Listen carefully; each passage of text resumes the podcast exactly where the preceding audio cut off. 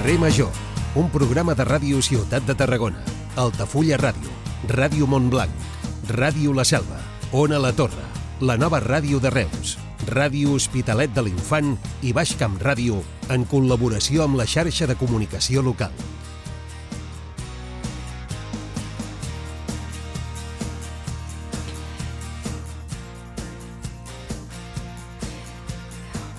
Hola a tothom, benvinguts a Això és Carrer Major, el programa que cada dia fem eh, diverses emissores, vuit emissores del Camp de Tarragona, i la del Camp de Tarragona, bàsicament. Anava a dir les Terres de l'Ebre, no, però l'Hospitalet de l'Infant encara és Camp de Tarragona perquè és Baix Camp. Avui el govern ha dit que es preu entrar a emergència per sequera una mica més tard del que estava previst, al gener. I això al sistema del Ter Llobregat. Aquí, al Camp de Tarragona, diuen que la situació és ben diferent, que al contrari, que la setmana vinent es pot entrar ja en normalitat gràcies a les reserves eh, que s'han anat acumulant eh, al capdamunt dels pantans eh, de l'Ebre. Eh, però el Tir Llobregat, a la zona de Barcelona, no ho tenen tan bé. Eh? Han dit que es reduiran cabals, s'ajornaran també projectes a noves granges d'hotels. I atenció, no es permetrà l'ús de dutxes amb vestidors, però sí que es mantindran piscines d'ús públic o esportiu. És a dir, si al final s'entra en emergència, si heu d'anar al gimnàs a Barcelona, que sapigueu que no cal que prengueu tovallola perquè us haureu de dutxar a casa. El tema seria aquest. Però enmig d'aquest context, avui que hi ha hagut Consell Executiu, que és la reunió de govern dels dimarts, i després d'aquesta reunió, la pertinent roda de premsa, el conseller d'Acció Climàtica ha dit que a veure, la situació és crítica al Ter Llobregat, que aquí al Camp de Tarragona la situació està millorant, entrem en fase de normalitat, i he recordat que hi ha un informe de l'Agència Catalana de l'Aigua, de l'ACA, que diu que el projecte del Hard Rock, el etern i perpitern eh, eh, projecte del Hard Rock del qual fa tant de temps que es parla i es parla, que run-run, que va ressorgint de tant en tant, doncs que és viable des del punt de vista hídric. Des dels comuns diuen que és una incongruència total i li han dit directament al president de la Generalitat, eh, Pere Aragonès, que si ell no és capaç de dir-li que no al PSC, que exigeix que el Hard Rock tiri endavant, seran ells, els comuns, els qui li diran al PSC que no. Tema que ens troca de prop al territori. Per cert, avui, en Cultura, notícies destacades. S'han fet públiques les nominacions als Premis Gaudí, els Premis del Cinema en català. Les pel·lícules amb més nominacions són Creatura i Saben aquell.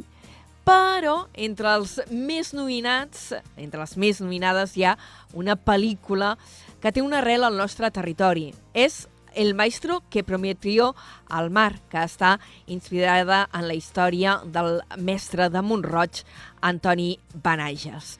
I encara us faig un altre apunt cultural per encetar el programa d'avui, perquè la nova escena musical catalana ha publicat un disc nadalenc amb 17 temes de 33 artistes diferents. I entre ells hi ha, per exemple, els ballencs Figaflaues. A veure si ens ho explicarà en David eh, Fernández a la seva banda sonora. Si no, avui segur que serà un altre dia. Això és Carrer Major, eh, som vuit emissores del Camp de Tarragona que treballem conjuntament per tirar endavant aquest programa. Us acompanyem tot l'equip que el formem l'Iri Rodríguez, de Ràdio L'Hospitalet, la Leix Pérez i en David Fernández, de la nova ràdio de Reus, la Gemma Ufies, eh, de Ràdio Montblanc, la Cristina Artacho i l'Adrià Requesens i en Jonai González de Ràdio Ciutat de Tarragona, l'Antonio Mellado i Antoni Mateos de Ràdio La Selva, el Pau Corbalan, que no em deixi ningú, eh? d'Altafulla Ràdio, jo mateixa sóc l'Anna Plaça, us parlo de Son a la Torre, i el control tècnic i tenim també a Ràdio Ciutat de Tarragona, a l'Iago Moreno. Comencem.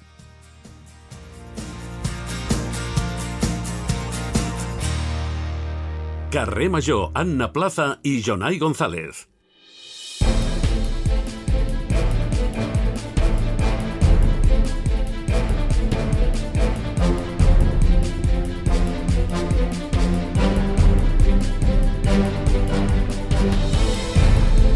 Vinga, que són les 4 eh, i 8 minuts ja. Anem a endinsar-nos en l'actualitat en forma de titulars. És el primer avançament que fem cada dia amb en Jonai González. Bona tarda, Jonai. Molt bona tarda. Avui recollirem dades del sector turístic de la Costa Daurada, que ha registrat 19 milions de pernoctacions i 5,4 milions de visitants aquesta temporada. El mercat irlandès creix més d'un 40% respecte al 2019 i aconsegueix substituir el rus en una temporada que el sector ha qualificat de satisfactòria. Ara ho dèiem també per començar, el conseller d'Acció Climàtica, en David Mascor, ha recordat que l'Agència Catalana de l'Aigua, l'ACA, ha avalat que hi ha prou aigua per sustentar el macrocomplex turístic del Hard Rock.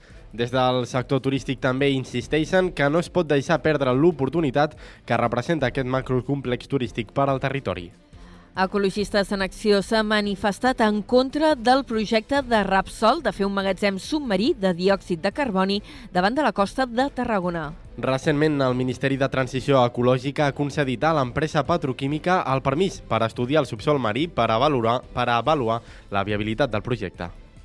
La central nuclear d'Escó 2 ha completat ja la recàrrega i ha iniciat el 29è cicle d'operació. La planta s'ha connectat a la xarxa elèctrica i l'associació ha destinat a aquesta recàrrega gairebé 29 milions d'euros i ha incorporat temporalment un miler de treballadors. L'Ajuntament de Vandellós i l'Hospitalet de l'Infant es va reunir ahir dilluns amb la Fundació Universitat Rovira i Virgili. Ho va fer per parlar dels projectes emmarcats en el Fons de Transició Nuclear.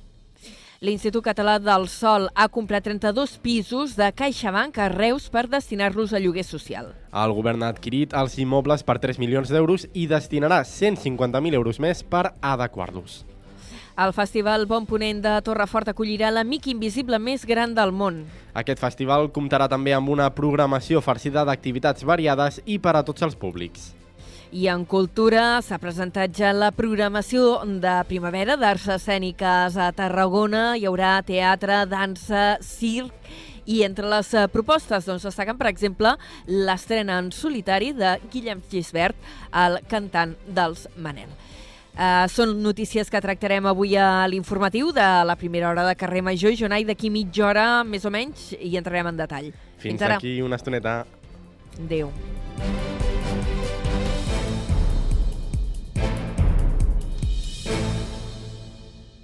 Carrer Major, Aleix Pérez.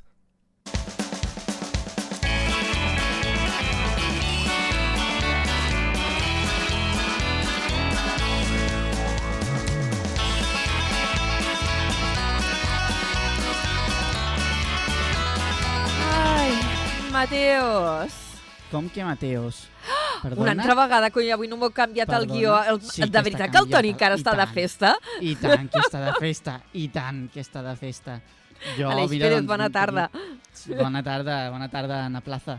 Què, com estàs? Jo eh, no li pregunto, saps allò de no li preguntis a un home el seu salari i la seva dona l'edat i a una persona que carrer major com ha anat la producció avui. perquè avui, avui prefereixo no fer comentaris. Ja, ha sigut tot molt complicat, oi que sí? Ens hem Però ho trepitjat, tirem a endavant, ho tirem endavant, Sí, Ana home, Plaza, sí, perquè sí. d'això va la vida, no? De que tot sigui complicat i que al final ho acabis tirant endavant. Sempre estaria bé treballar amb una mica menys d'estrès, però... expliquem, eh? Expliquem una mica la Sí, interioritat sí. de què ens ha passat avui. Jo avui, quan he vist la, la, la nota de premsa d'ecologistes en acció sobre el tema eh, del magatzem de CO2, m'he emocionat perquè aquests temes a mi em posen tonta i he trucat directament i resulta que l'Aleix Pérez ha fet la mateixa trucada, entenc que per la secció d'ODS, potser, d'Objectius de Desenvolupament Sí, ha sigut Sostenible. un dia, sí, ha sigut un matí una mica boig, però, però sí, he, he, hem tingut la mateixa pensada en la plaça perquè si els dos l'hem tingut és que el tema és... És interessant. És, d'aquells És molt interessant. interessant. Sí, sí, i tant. Uh, com que t'he robat el tema, No ha passat res, no. no, sí, sé què eh, faràs a la segona hora i, per tant, uh, explica'ns-ho què tindrem avui a Carrer Major a partir de les 5 de la tarda. Doncs mira, en la plaça, a partir de les 5 de la tarda tindrem aquí als estudis de la nova ràdio un històric, el Josep Machado, que un activista veïnal que la tira tot just avui es jubila i parlarem amb ell de tota la seva llarga trajectòria i també una mica com han anat evolucionant el concepte dels barris al llarg de les dècades. Tindrem el nostre magnífic col·laborador, que el coneixes bé, Anna, el Xavi Franco, que saps Ah, de quin anuncis venir ve parlar? Saps de quin anuncis ve parlar avui? Jo El d'un palo? Era el d'un Exacte. Palo? Un Exacte. Ah! Un Vaig a- palo! Sí, Me'n sí. recordava, però no me'n recordava de què era. Ho he hagut de buscar, eh? Sí, sí, és, és espectacular. I és d'aquells anuncis, igual que el del Pato Willis, em fa molt feliç que, que, que, que m'expliqui que m'expliqui aquestes coses, perquè, clar, són la meva infància. Anna, això és... Tu l'has tingut de professor, el Javi Franco, no? no? No el vaig arribar a tenir, m'hagués agradat molt, eh? però jo, vaig, jo ja vaig agafar una mica més tard. Jo vaig començar el 2019 la universitat. I ja s'havia jubilat, no? Jo, Mm. jo saps per què el conec? Perquè el vaig enxufar aquí al programa, el, el Javi Franco. Érem Ah. companys de, desfa, de despatx, Ostres, la, com a professor associat de la universitat. Sí, sí, així ens vam conèixer. Vaig descobrir que era de Torredembarra. Escolta, no t'agradaria? I mira, patapam, ja està. i tant. Ja S'apunta està. un bombardeig, eh, també, el Xavi. Home, i tant, no costa res. Que, que amb ella de- es pot anar fins, A fins tot arreu, a la fi del món hi aniries amb ell. Efectivament.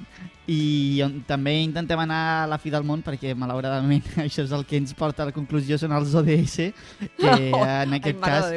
Clar, jo, jo vaig allà, jo faig una mica, ja saps que amb els ODS jo faig una mica de, de tanteig, no? Jo poso un examen, a veure si s'estan complint o no, i a vegades sí i a vegades no. Avui parlarem amb Josep Maria Coll, tècnic del Servei de Joventut del Consell Comarcal del Priorat, per parlar d'unes jornades de networking que se celebren a la comarca, sobretot en joves que estan muntant empreses al territori.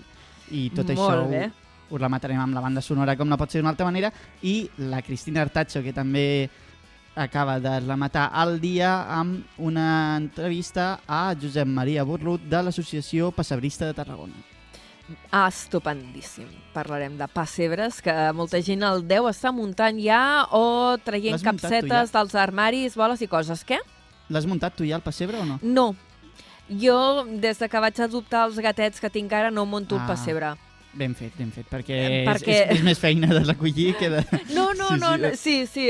És bàsicament perquè el pessebre que tinc jo, mira, va explicar la- la- l'anècdota, eh? tinc Vinga, un pessebre heretat dels meus pares que el devien comprar, no sé si a, a les Balears, eh? em sembla que era, són de- d'artesania, de guix, supercookies, molt hippies, molt setenteros, molt singulars, són les figures que no trobaria mai en lloc i vull preservar-les per l'eternitat.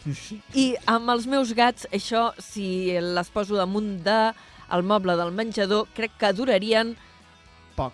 Menys que un Molt caramel a- davant d'un col·legi, no? molt poc. Per tant, eh, des de que els tinc he renunciat a muntar el pessebre. És, són incompatibles. Gats i Exacte, figuretes són antònims. delicades de guix és incompatible. Bueno, En doncs fi. res, a plaça ja no prenc més temps perquè l'entrevista ja veig que és sual avui. Sí, sí, ara hi anem, ara hi anem. Fins ara. Vale, fins ara. Adéu, Aleix, fins després. Cada tarda de dilluns a divendres fem parada a Carrer Major.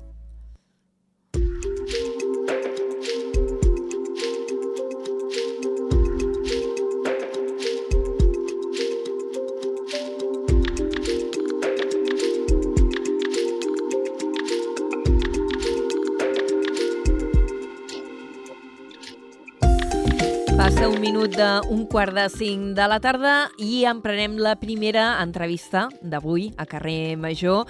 Ja ho hem dit, hem tingut aquesta confluència d'idees quan hem vist la nota de premsa avui eh, d'ecologistes en acció, eh, tant l'Aleix Pérez com jo mateixa, perquè hem pensat que era un tema que valia molt la pena tractar eh, avui a l'informatiu, perquè és una notícia que ens va sorprendre eh, dies enrere quan la llegíem i avui tenim eh, reaccions per part d'ecologistes en acció. Estem parlant de la proposta, projecte, que està, de fet, en una fase molt inicial de Rapsol, eh, que planteja fer un magatzem eh, soterrani de CO2 davant de la costa de Tarragona. Avui, Ecologistes en Acció han emès un comunicat manifestant-s'hi en contra i perquè ens expliqui per què hem eh, convidat el seu tècnic i jurista ambiental, en Víctor Álvarez. Eh, Víctor, bona tarda. Avui no tenim a Torredembarra. Bona tarda. Sí, mira, avui estic en una altra ciutat avui. Avui el Víctor el tenim als estudis de Ràdio Ciutat de Tarragona. Això ho dic perquè el Víctor està molt implicat amb tota l'activitat ambiental que s'organitza des de la Regidoria de Sostenibilitat amb el suport de les entitats ecologistes aquí a la Torre i per això se'm fa estrany tenir-te lluny avui, eh?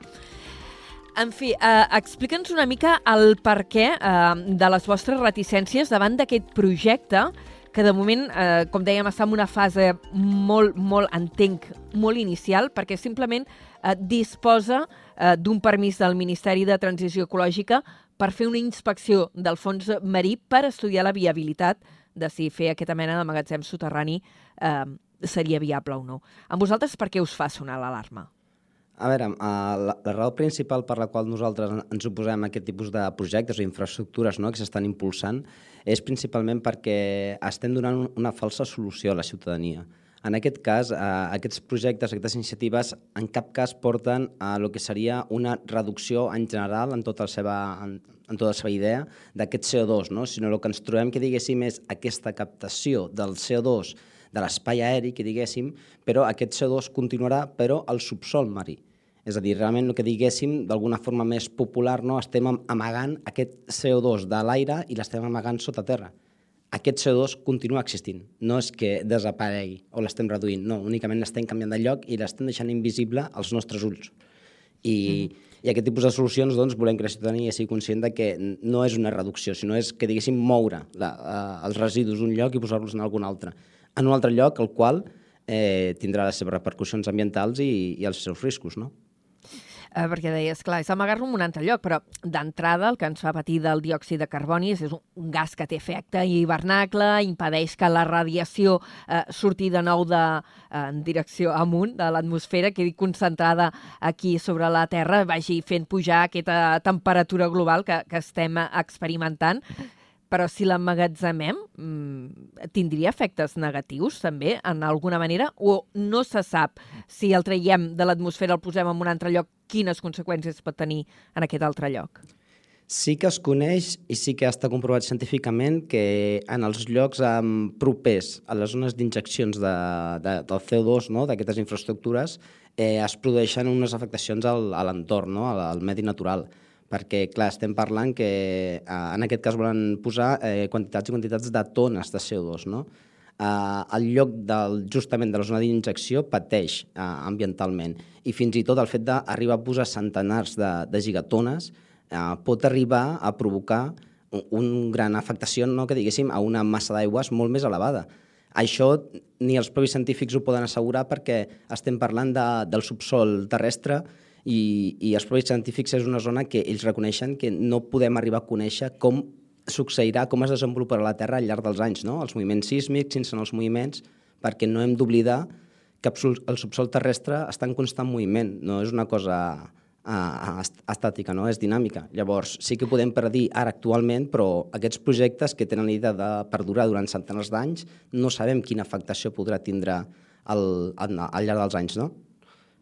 Aquí en, en el nostre territori, mm, sobretot a baix a les Terres de l'Ebre i, una, la, i nord de, de Castelló, eh, hi ha l'experiència molt negativa del, del Castor, en què el que es va intentar és fer un magatzem submarí, eh, no de CO2, sinó d'un altre tipus de gas, de gas natural, eh, que va derivar en tot un seguit d'episodis de... Eh, sísmics, no? de, de mm. moviments sísmics, eh, això també us genera inquietud, aquesta experiència prèvia, creieu que podria ser equiparable? Sí, uh, totalment. Uh, per, per començar, que diguéssim, és, és aquest principi legal del principi de precaució, no? que no podem impulsar aquell tipus de tecnologies o d'infraestructures que realment no sabem què succeirà. I en aquest cas podríem dir que sí que ens podem fer la idea de lo que es pot succeir, i són coses negatives. Per què? Perquè, com bé dius, justament l'historial que tenim en aquesta zona és que amb el Castor va succeir això, no? També hi haurà un projecte similar, com bé dius, amb el tipus de gas, però la idea és la mateixa, no? eh, injectar aquest producte sota el, sol, sota el subsol no? terrestre. En el seu dia amb el Castor eh, es van presentar també un conjunt d'informes tècnics al·legant que allò provocaria aquests moviments sísmics, als quals no se'ls va fer cas, i després es va comprovar posteriorment com eh, es van produir no? aquests petits terratrèmols. Per què? Perquè és això, és tan complex el subsol terrestre que el que sí se sap és que és molt perillós eh, jugar amb aquests tipus de projectes. Llavors, eh, utilitzant el principi de precaució de la legalitat que hi ha instaurada a que diguéssim la comunitat europea, el seu seria no potenciar aquest tipus d'infraestructures. I és que el Castor mm. és el clar exemple de que, per almenys en aquest territori, eh, les coses no van molt bé i altres exemples que també tenim és en el cas de, Nor de Noruega, no? que aquests projectes sí, d'aquest tipus... Per això t'anava sí. a preguntar, perquè en el vostre comunicat eh, esmenteu aquests casos de, de Noruega, eh, que, que són experiències en aquest sentit, d'intentar fer magatzems soterranis eh, per desar, per emmagatzemar eh, aquest gas, el CO2 que té efecte hivernacle. Eh, quins són aquests casos i, i què els hi ha passat? Sí, en el cas són de dos projectes de Noruega. Els noms, disculpeu-me, però no me'ls sé perquè són de, una miqueta difícils de pronunciar. són noruecs. Sí, són noruecs. Llavors, no, no me'ls sé, no me sé de memòria ni sé pronunciar-los, disculpeu-me. Però són dos Tranquil, tranquil. Tenim dos casos a Noruega. Sí, sí no tenim dos casos, està, que... estan més que documentats, per això no hi ha problema, sí. en els quals inicialment es van presentar doncs, com els projectes pioners, no? s'havia fet una gran inversió econòmica i, i material per executar aquests projectes, es van començar a executar, però ja va ser a partir dels 18 mesos, que diguéssim de l'any i mig, doncs, que van començar a sorgir uns imprevistos. Imprevistos que no eren segurs, però sí que els propis científics i documents no, contemplaven que eren coses que podien passar, perquè no s'arriba a comprendre quina és la complexitat d'aquest subsol terrestre. I això què va comportar? Doncs va comportar que, tot i la gran inversió econòmica inicial que es va fer, posteriorment s'hagués d'ampliar més encara aquesta inversió, lògicament amb diners públics, perquè eh, solen ser projectes així estatals no, de gran interès, i després, a part, el consum energètic. Aquest tipus de, de procediment no, d'injecció de CO2 o altres productes al subsol terrestre demana una gran uh, necessitat, uh, una demanda energètica. I això també s'ha d'assumir en, en, en la situació de complexitat que ens estem actualment de, de, del context del canvi climàtic. No?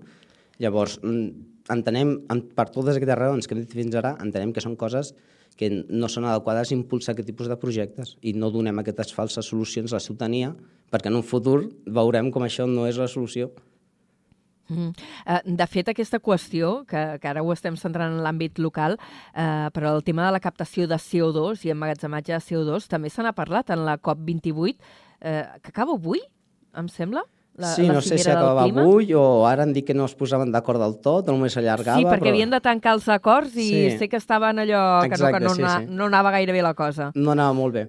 Però, per exemple, en, en aquesta COP, eh, no ho sé ben segur, però pels mitjans, per les coses que han anat sortint, em, em va sonar entendre de que estan parlant també sobre la possibilitat de que per compensar eh, les emissions de CO2 que emetien les empreses, d'acord, Llavors, aquest tipus de projectes, com d'emmagatzematge de CO2 sota el subsol, els hi permetia que diguéssim com computar aquesta emissió, no? Dient, si tu emets una gigatona de CO2 però me l'emmagatzemes sota terra, és com si no l'haguessis emès, pots emetre una altra. Però això no és una realitat, aquell CO2 sí, sí que s'ha emès i està sota terra. Vull dir, és que est estem jugant amb unes, eh, amb unes dades que no són, i amb uns fets que no són reals. Llavors hem de ser conscients que aquest CO2 no desapareix, únicament l'estem canviant de lloc. Mm.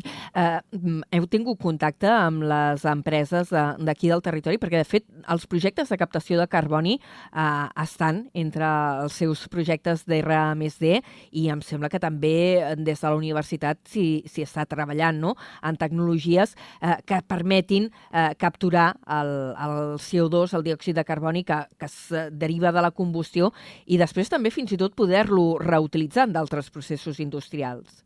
Sí, hi ha una tecnologia que s'està desenvolupant al voltant no, d'aquesta idea que, que has esmenat i, i és una tecnologia com tota, és important, però de, em torno a basar, a partir del principi de precaució que es troba en el nostre ordenament jurídic, no, creiem que és important que si realment no sabem les conseqüències que ens pot portar aquesta tecnologia a gran escala, i sobretot en aquest cas perquè estem tractant del subsol marí, que és, que és un, a part una peculiaritat amb, amb més dificultats, no?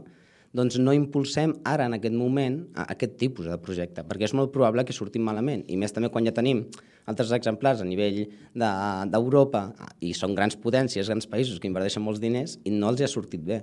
Llavors és la idea de, bueno, investiguem aquesta, aquesta nova tecnologia, però no ens tirem a, a la piscina ja amb aquests megaprojectes perquè són molt cars i després quan surten malament ens passarà com el Castor, que ens toca pagar tots els ciutadans els mil i pico milions que, que ara haurem de pagar sí. amb la factura de la llum per tornar tot aquest deute, no? Vull dir, fem les coses en cap i fem els megaprojectes quan realment sapiguem que allò és adequat i no provocarà cap, cap imprevist ni cap acció negativa cap al medi ambient. Mm -hmm. De fet, ara que dius això, no? La, recordo que una, un, uns dels comentaris que han anat sortint aquests dies, sobretot de la comunitat científica i dels grups de pressió, de pressió ambientals, eh, relacionats amb aquestes noves tecnologies eh, de captació del CO2, o fins i tot amb el tema de l'hidrogen, no? De que són tecnologies que encara estan verdes. Allò que no s'hi pot dipositar la confiança al 100% perquè encara estan poc madures. Exactament, i també hem de saber on aplicar-les, no? En el cas de l'hidrogen verd, eh, com bé diu la paraula, ho has dit molt bé també com a adjectiu, està verd encara, no? Encara no, no està molt ben explotada, però també l'hidrogen verd de, després seria una petita part, realment el que estan fent és l'hidrogen rosa, que seria del nuclear, no? o l'hidrogen gris, que és el de les energies no renovables, que això també seria un altre tema. Però, per exemple, en el cas d'aquí de Tarragona, de l'hidrogen verd, eh, o de l'hidrogen en general, Uh, no és una, un lloc adequat. Estem en una zona on estem veient que cada cop la disminució de les pluges està provocant una falta d'accessibilitat a l'aigua. I l'hidrogen, principalment, el que necessita és aigua. Llavors, és un tipus de tecnologia que pot ser que en altres països, on van amb unes grans quantitats de, de sobrants d'aigua, que diguéssim, es puguin permetre l'ús d'aquestes tecnologies mitjançant el procés d'electròlisi. Però aquí doncs, ens entra el dubte també si és un tipus de, de potència que hem de ser els pioners quan tenim un recurs escàs i, i l'hem de destinar ara a fer aquest tipus de, de, que diguéssim, de vector energètic, perquè és això, també no és una producció energètica, és com un tipus de bateria, que diguéssim, és per emmagatzemar energia, exacte, és una pila. I llavors eh, hem de ser conscients amb, amb la situació en la qual ens trobem, no? I, i també ser conscients que actualment eh, la producció d'hidrogen també necessita una inversió de, de, energètica més gran que després l'energia que actualment es pot emmagatzemar, que diguéssim. Llavors, actualment és negativa. Quan la tecnologia avanci més i, i s'investigui, llavors ja, ja tirarem endavant grans projectes, però és això, no, no avancem i no estem a la piscina, que després les coses eh, surten malament perquè la ciència necessita el seu temps per poder investigar les coses i poder atendre com, com funcionen, no? Eh, aquest, aquestes qüestions li vaig traslladar al, al director ja fa principis de temporada, eh? devia ser gairebé el director de l'oficina eh, tècnica de la Vall de l'Hidrogen Verd aquí a, a Tarragona, el senyor Isaac Justícia. Eh, no? Allò es necessita molta aigua i diu, sí, però pot ser aigua regenerada.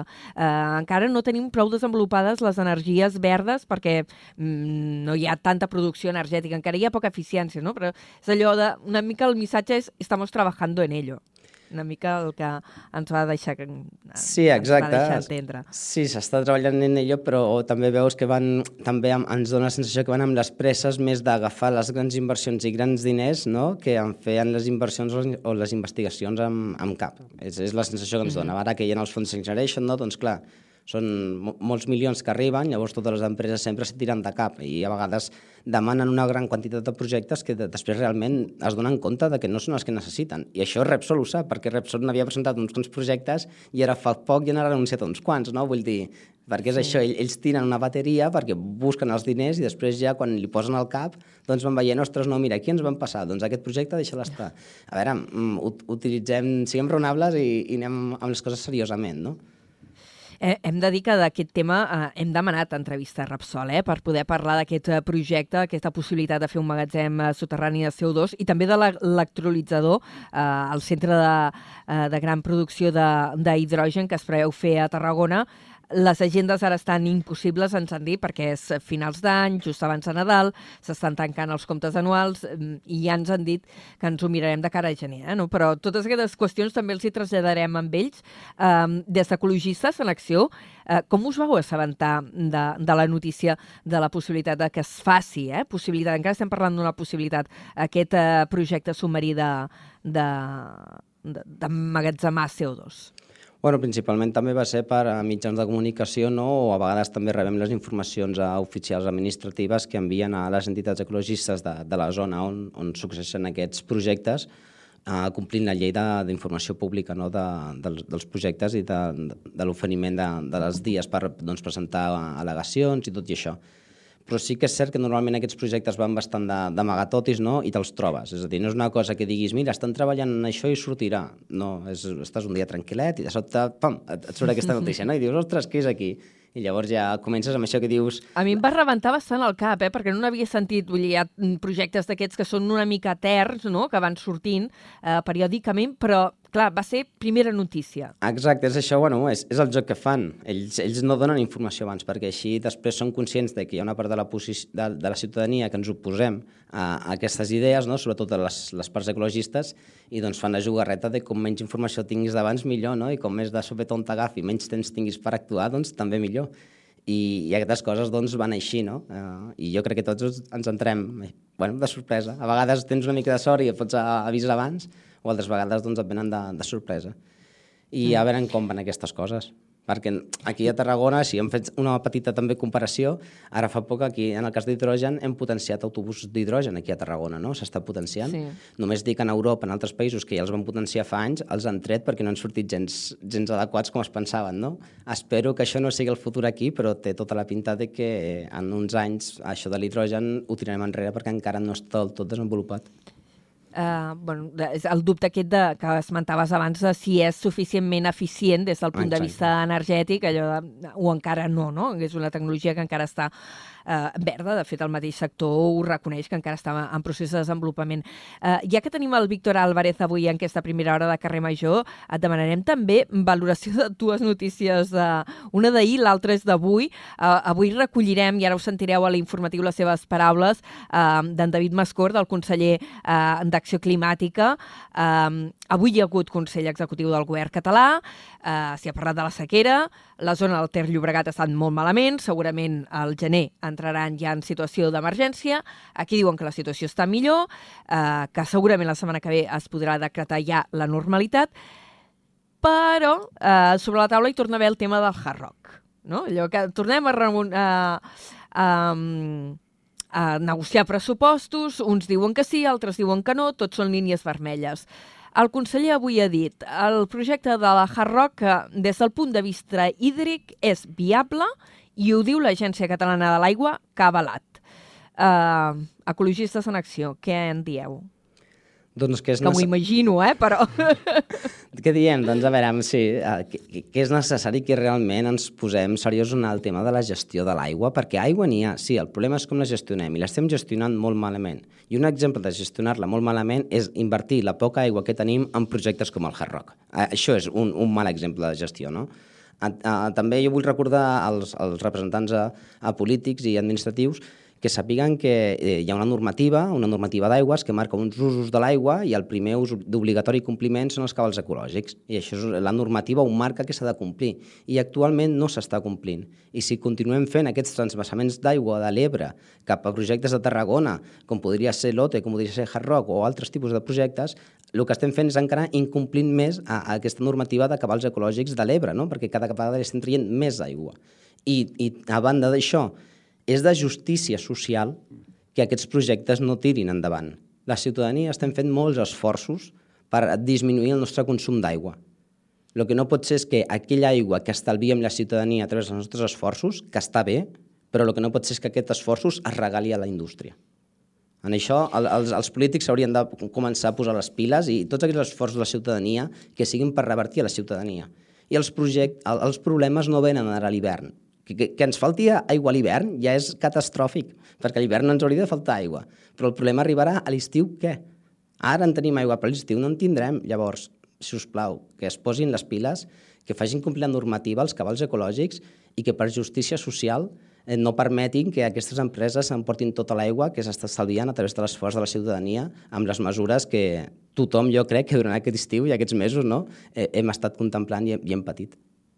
Ara has esmentat el projecte de l'OTE, Energy Materials, aquesta gran fàbrica de, de, bateria, de bateries, de components per a bateries elèctriques eh, que es preveu fer a, a Montroig. Un projecte considerat estratègic eh, per part de la Generalitat que es va anunciar ja fa un any, però que ara està sortint eh, moviment contestatari a mesura que els veïns van percebent de què va la pel·lícula.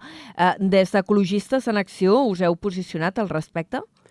Sí, clar, perquè per desgràcia tots aquests tipus de projectes doncs, tenen els, els mateixos, eh, les, les mateixes estructures, no? que diguéssim és un gran consum d'aigua i sobretot eh, en aquest cas seria doncs, eh, una especulació de nou en, en, en el fet de... perquè el projecte de l'OTE no únicament és, és l'empresa no? de, de, de la producció de, de l'elecfoil, sinó que a part d'això també va, va amb els camps col·laterals també té un gran, un gran parc fotovoltaic, no?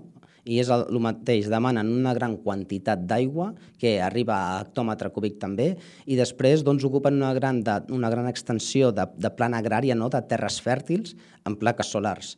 És a dir, hem de fer les coses bé. A la terra fèrtil, els usos ag agrícoles s'han de mantindre com a usos agrícoles. No? Hem d'ocupar espais antropitzats per aquesta producció energètica.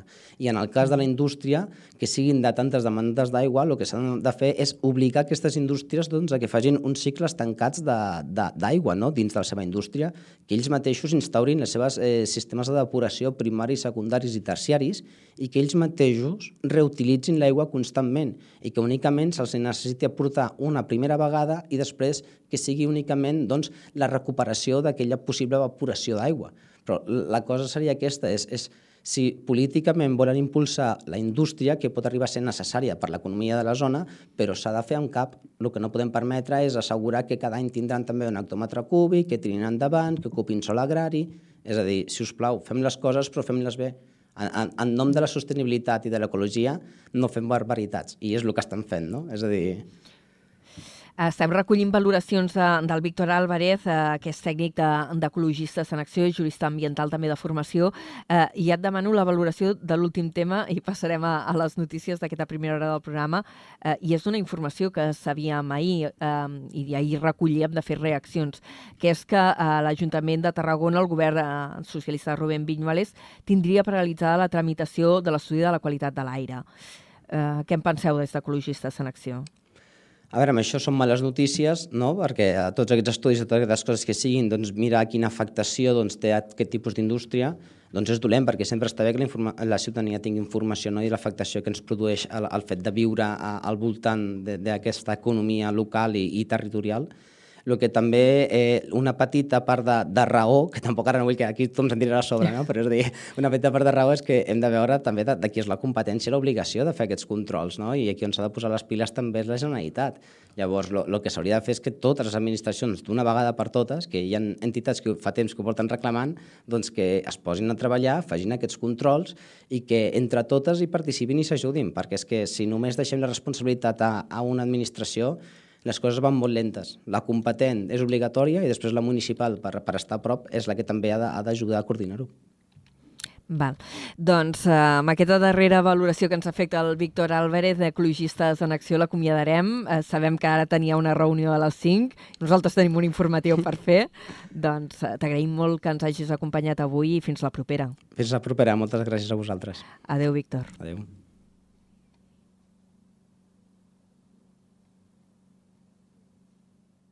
Carrer Major, al Camp de Tarragona, des de ben a prop.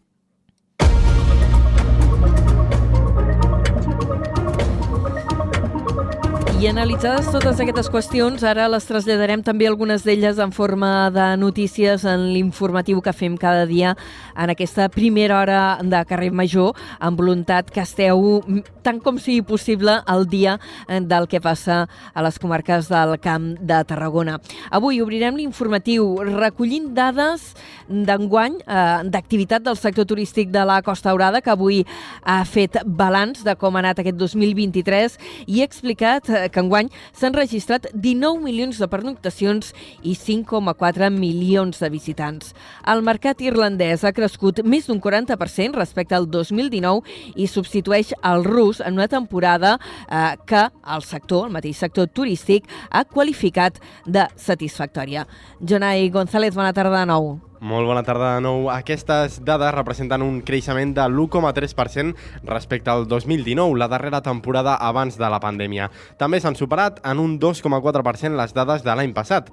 Malgrat l'increment de visitants, les pernoctacions encara estan per sota les xifres prepandèmiques. La presidenta de la Federació Empresarial d'Hostaleria i Turisme de la província de Tarragona, Berta Cabré, ha fet avui balanç de la temporada que ha qualificat de satisfactòria tot i la seva irregularitat. Juliol, una arrencada una mica més lenta, i d'aquí a que a, ens frenéssim una mica. Però després hem tingut un bon acabament perquè hem tingut una, una tardor amb una activitat, eh, amb molta activitat a la Costa Daurada i a les Terres de l'Ebre, amb, amb una destinació que crec que es, que es consolida com una destinació de tardor també L'aeroport de Reus ha tancat l'exercici recuperant plenament l'activitat abans de la pandèmia i ha superat lleugerament el milió de passatgers, dada que no s'assolia des del 2019. L'increment respecte a l'any passat ha estat del 14%. El president del Patronat de Turisme de la Diputació, Carlos Brull, ha destacat que el gran repte és aconseguir que hi hagi vols comercials tot l'any. Ens interessaria o ens agradaria treballar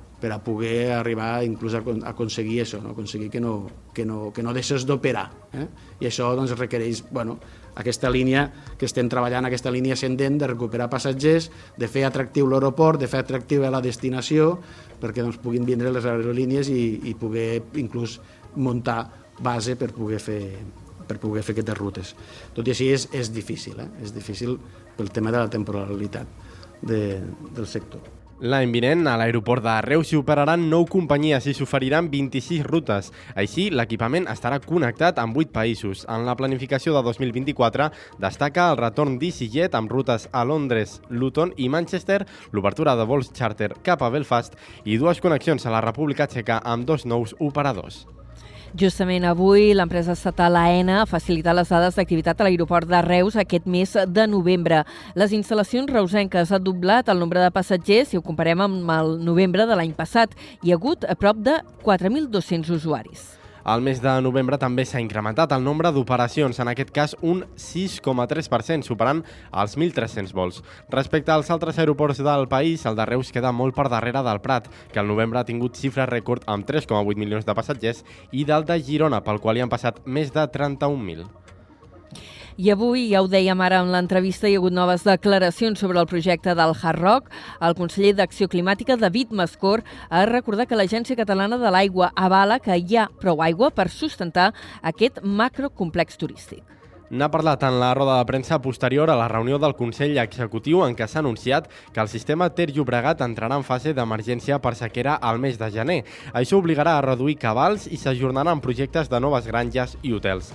Mascort ha matisat que la situació al Camp de Tarragona és diferent i que, de fet, es preveu entrar en normalitat la setmana vinent. També ha recordat que hi ha un informe de l'ACA que el projecte del Hard és viable des del punt de vista hídric. sortit eh, reiteradament a tot arreu que l'informe de la que diu que hi ha aigua per fer-lo. No, no és qüestió, això. Perquè, a més a més, si entrem al detall i volem ser rigorosos, això està en una conca que avui està en prealerta però que en poques setmanes entrarà en normalitat.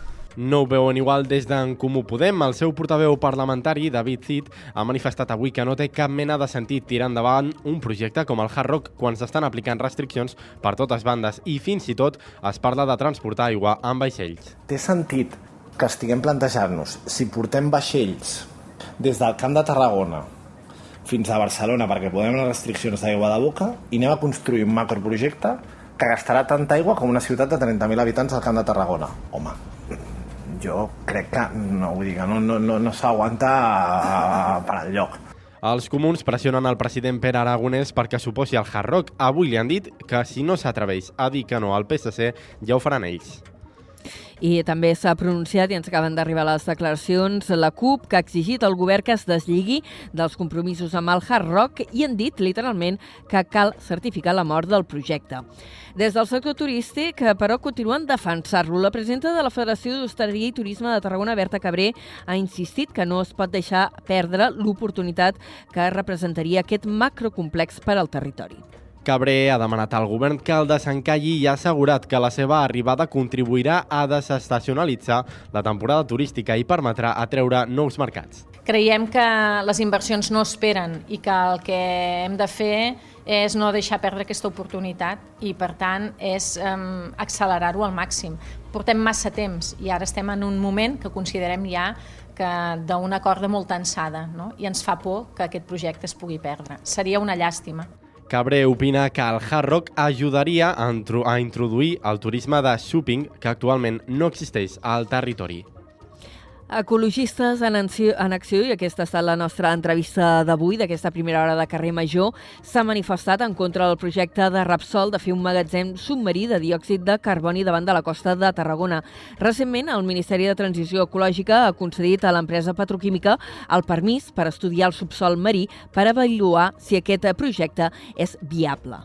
L'entitat ecologista alerta que altres projectes similars a Noruega han fracassat i són cars en emissions i consum energètic. També han advertit que hi ha riscos sísmics, com va passar amb el projecte Castor i d'alliberament de gas. A més, temen que la injecció de grans quantitats de CO2 al subsol acabi afectant la química de les aigües del nostre litoral. Segons ecologistes en acció, els experiments han demostrat que l'agregació de CO2 pot fer malbé als organismes marins que se situïn a prop dels punts d'injecció o dels llacs de CO2 CO2 i han advertit que encara no s'han estudiat els efectes a llarg termini. I parlem ara de la central nuclear d'Ascó 2, que ha acabat ja el procés de recàrrega i s'ha tornat a posar en marxa. És la el 29è cicle d'operació de la planta atòmica d'Ascó 2. La planta s'ha connectat a la xarxa elèctrica aquest diumenge a tres quarts d'onze de la nit. L'associació nuclear Escó Vandellós ha destinat a aquesta recàrrega gairebé 29 milions d'euros i ha incorporat temporalment un miler de treballadors. Segons l'associació, la voluntat ha estat mantenir la planta en les, millores, en les millors condicions de seguretat i fiabilitat per preparar la unitat al pròxim cicle i a l'entrada de l'anomenada operació a llarg termini prevista per l'any 2025. I encara una altra notícia relacionada amb el sector nuclear. Ara en el municipi de Vandellós i l'Hospitalet de l'Infant, l'Ajuntament ha fet una reunió, la feia ahir, amb la Fundació Universitat Rovira i Virgili.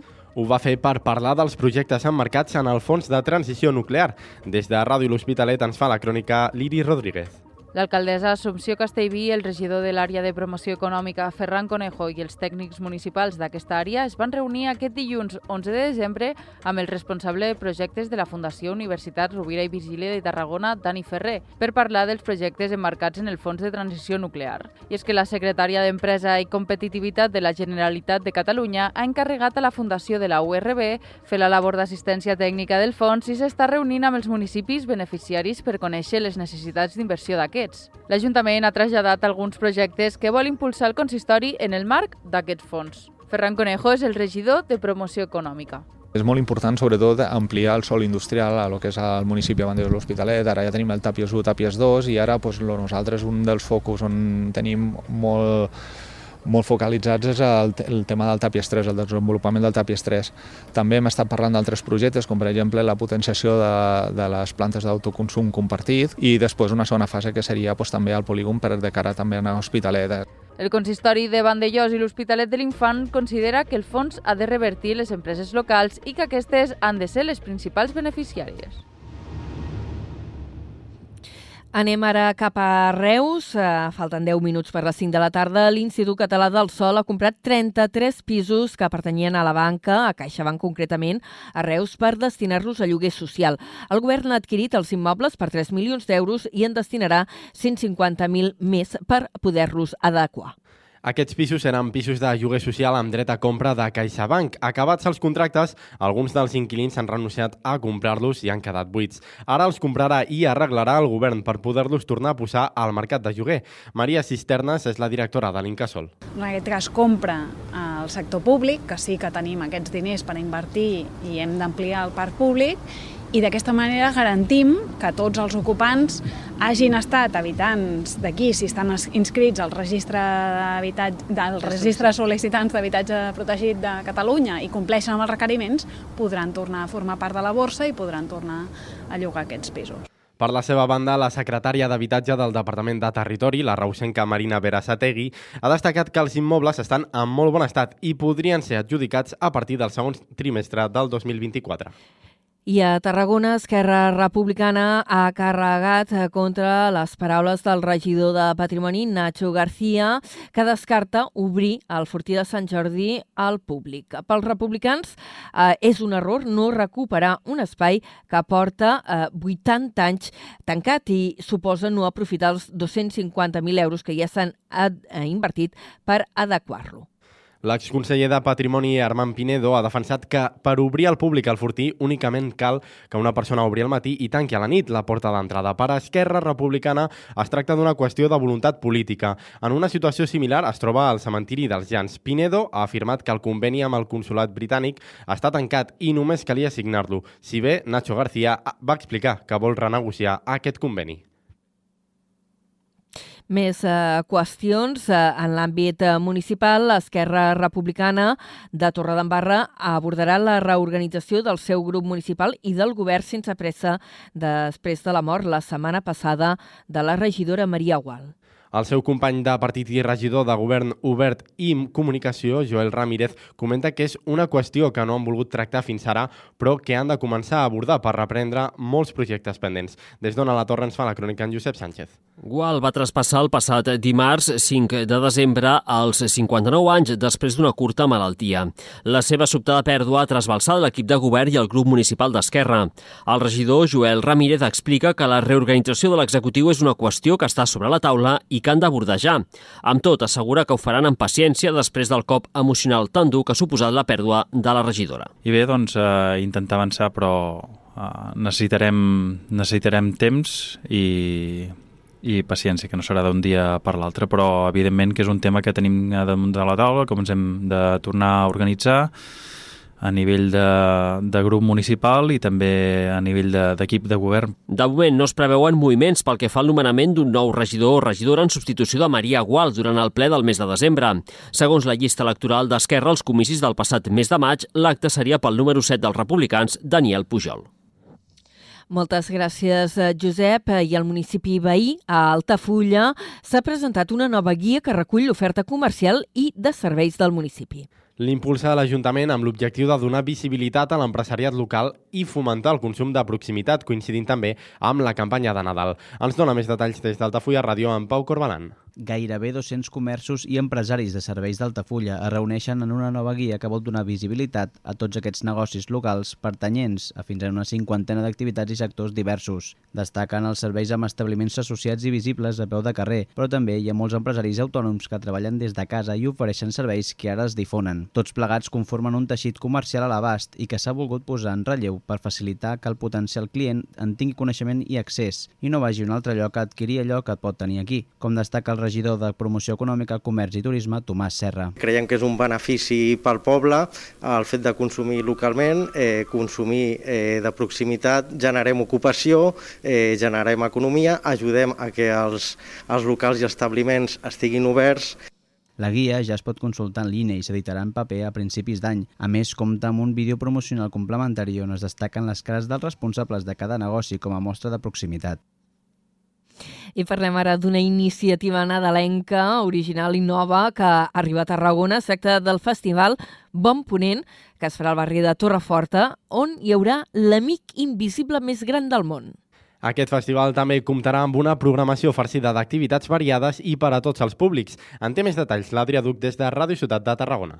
La consellera de Cultura, Sandra Ramos, detalla algunes de les activitats programades. I ho farem doncs, tot d'activitats per la família, eh, activitats que porten des de fer una pintada col·laborativa a la pista de bàsquet que hi ha al davant, activitats amb entitats com Todos en Azul, per exemple, i totes activitats amb un transfons creatiu i destinats a, a la cultura.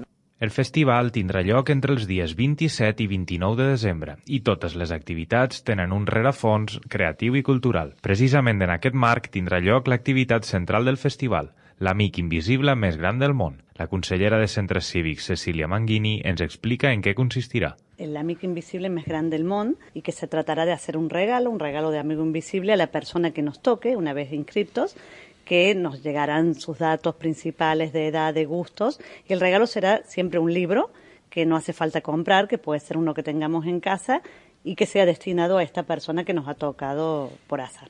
Aquest programa està organitzat conjuntament entre el Departament de Cultura de l'Ajuntament de Tarragona, la Conselleria de Ciutadania i la xarxa de centres cívics de Tarragona.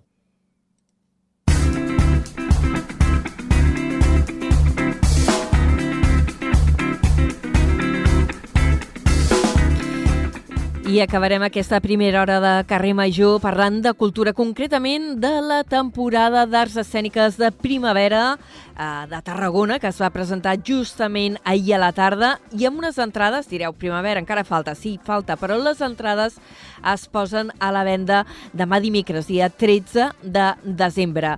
Hi haurà música, dansa, teatre, circ, màgia i tallers eh, familiars. Entre les actuacions destacades, doncs, per exemple, la del músic Guillem Gisbert, el cantant de Manel, eh, que presentarà el seu projecte eh, solitari a principis del mes de juny al Teatre Tarragona. Eh, durant aquesta temporada de primavera també hi haurà eh, diverses produccions de la Frank Schubert Filharmonia, que interpretarà, per exemple, la setena i la novena de Beethoven. També hi portarà una producció sobre eh, les quatre estacions readaptades pel compositor contemporani Max Richter. També hi haurà òpera amb el cor dels Amics de l'Òpera de Sabadell i l'Orquestra Simfònica del Vallès, en aquest cas amb Turandot i en teatre La Brutal, que presentarà l'Illa Deserta.